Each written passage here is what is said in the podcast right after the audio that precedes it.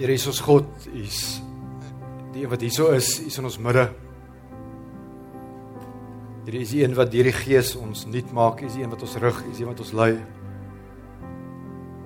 Here en U is ook die Skepper God. Julle alles wat ons die afgelope 2 maande kon sien.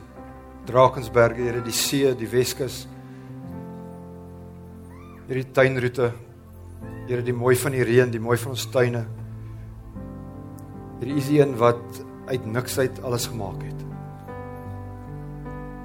Here, dankie vir 'n Bybel. Dankie dat ons 'n Bybel in Afrikaans het. Dankie dat ons die Nuwe Testament het. Dankie dat ons deel kan wees van 'n gemeente, dat ons deel kan wees van 'n geloofsgemeenskap. Here, mag ons vandag u stem, u boodskap, u uitnodiging, Here, mag ons dit helder en duidelik hoor. En Here, mag ons met u wat in ons is, mag ons reageer op u stem. Amen. Bybel sê dit Matteus hoofstuk 9. Ons kyk vandag net na een vers in Matteus en dan verwys ek na Matteus 4, ek verwys ook na Markus hoofstuk 10.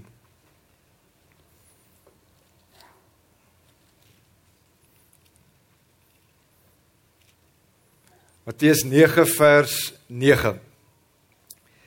Toe Jesus van daar verder gaan, sien hy 'n man met die naam Matteus by die tolhuis sit. En hy sê vir hierdie man, hy sê vir die tollenaar twee woorde: volg my.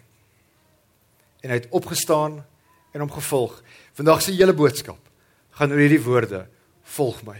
So as jy 'n kwaai ma het en 'n ma sê altyd vir jou vra vra na die diens, wat het die preek gesê? Wat het Neels gesê? Sê vir jou ma, wys vir haar so: volg my. Ons kry hierdie selfde woorde in Matteus hoofstuk 4. Daar's ouens, hulle is besig daarmee met hulle trek net, hulle is hulle is besig om vis te vang. Jesus stap in daai omgewing. En dan sê hy vir hierdie jong manne: selfe woorde.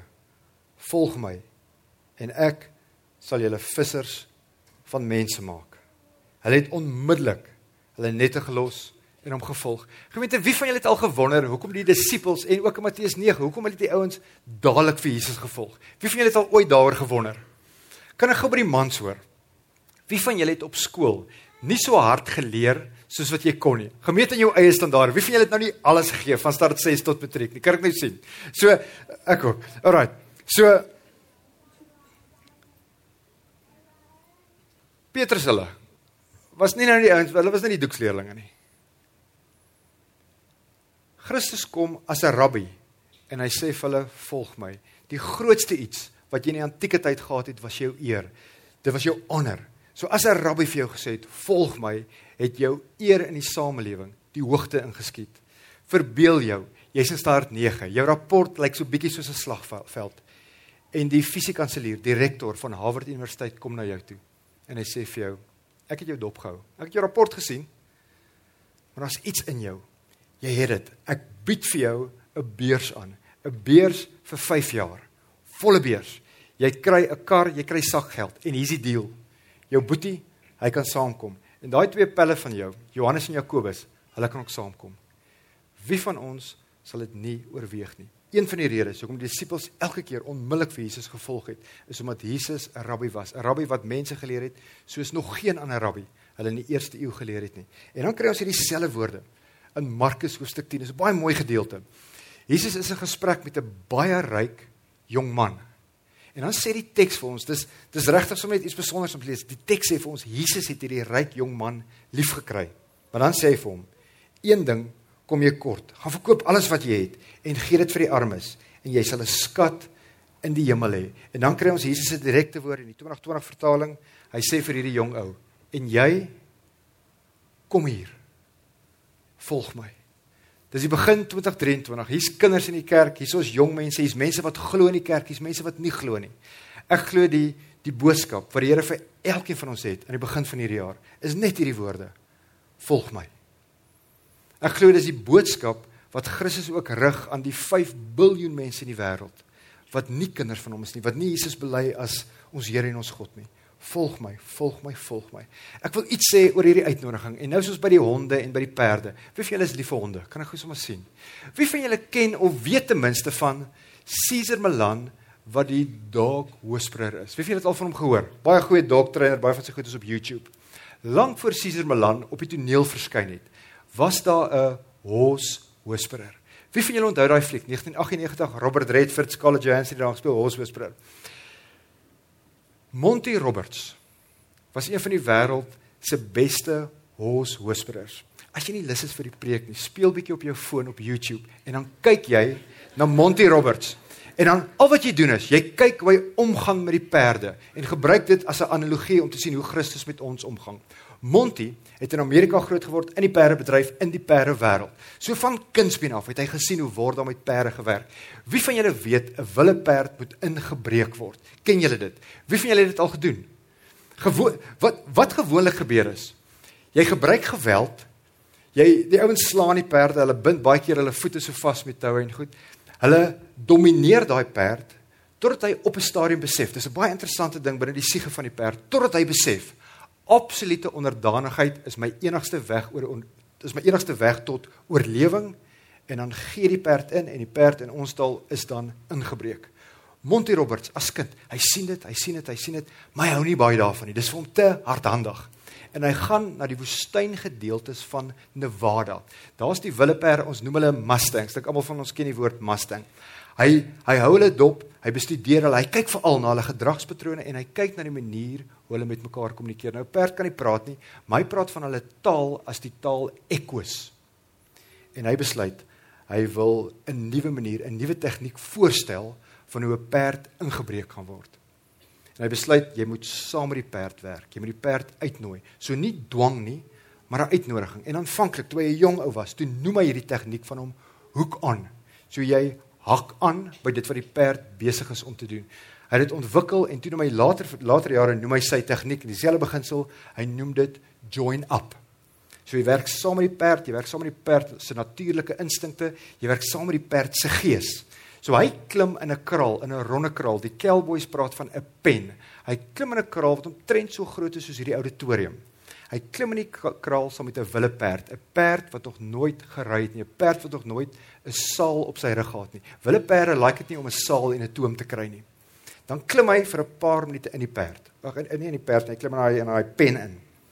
En dan skep hy 'n rustige atmosfeer. Hy praat voortdurend met die perd.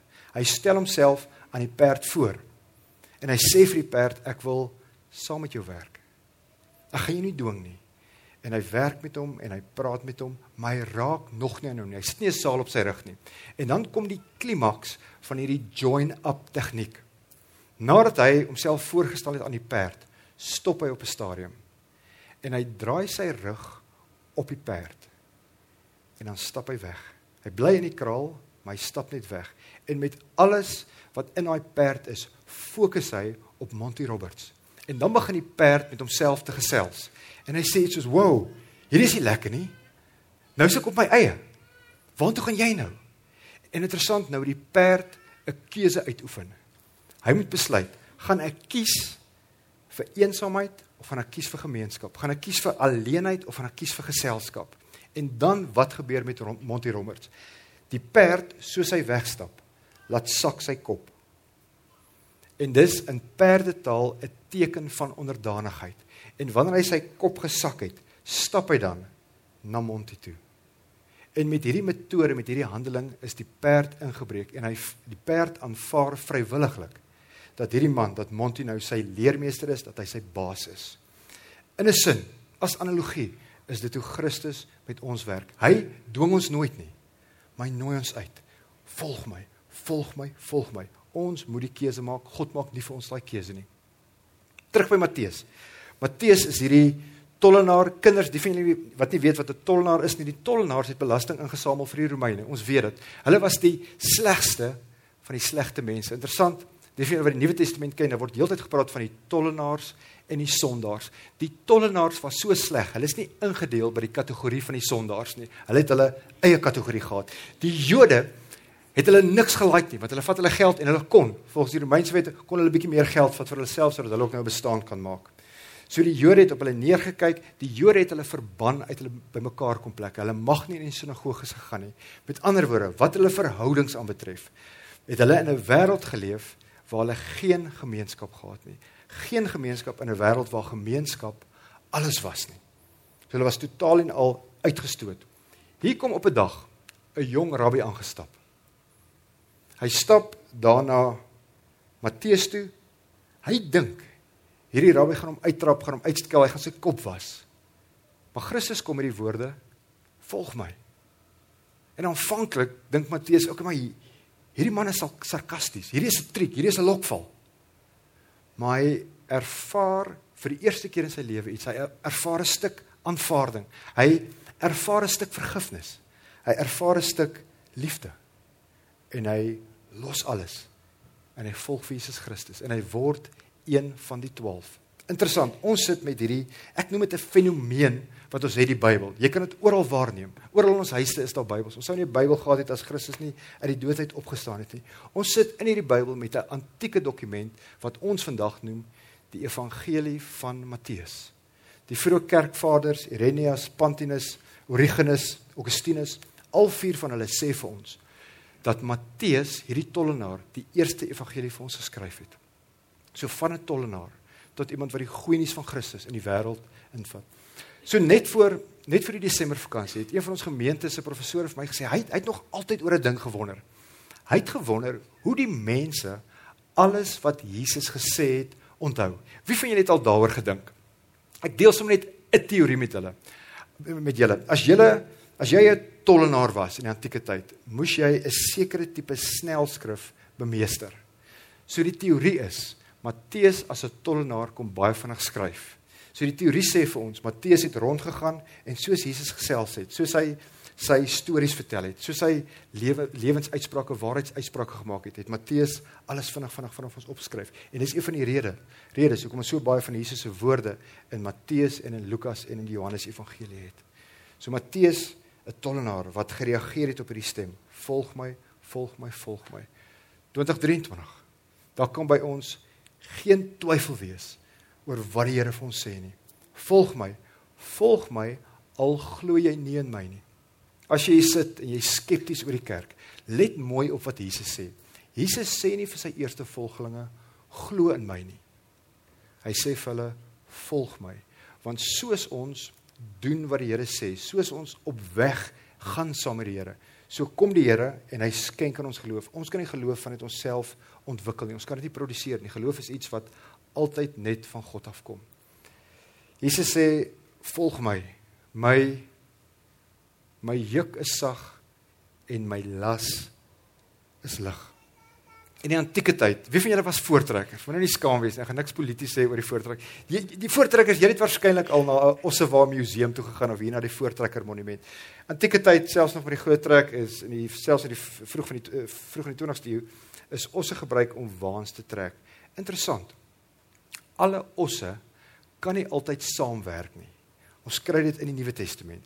Jy moet voordat jy die osse inspan, moet jy hulle toets, jy moet hulle uitprobeer. Jy moet kyk of hierdie twee ouens saam kan werk.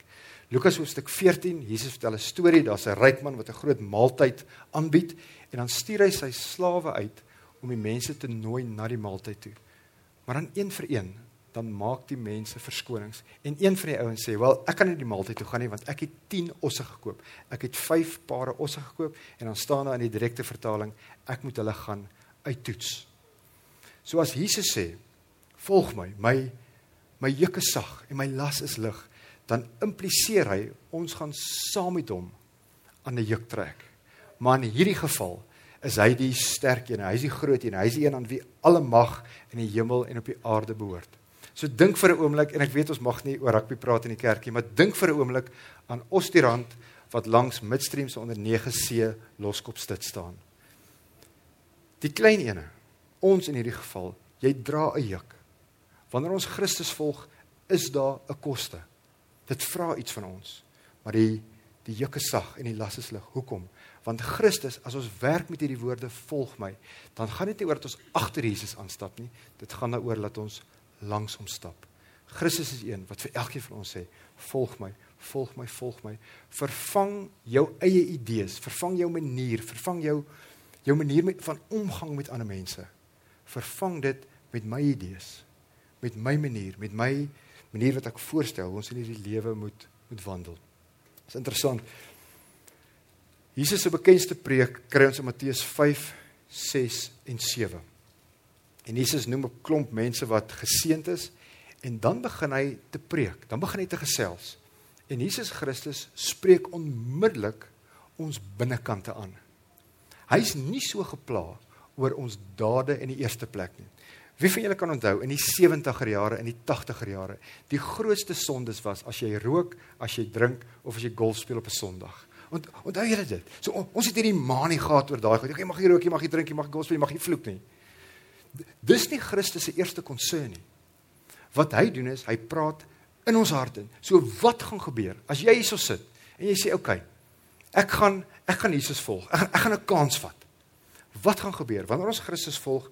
praat hy met ons aanvanklik oor vier goed en is alles goed wat in ons harte aangaan. Dis die volgorde wat in die bergorde in die bergrede is. Die eerste ding is woede en haat. Wie van julle wat hier sit, moet nou nie ver, verwys na jou man nie. Wie van julle het mense in julle familie wat anger issues het? Dis 'n dis 'n massiewe ding in die wêreld. So dis die heel eerste ding waaroor Jesus Christus praat is woede en haat. Die tweede ding gaan oor die minagting van mense.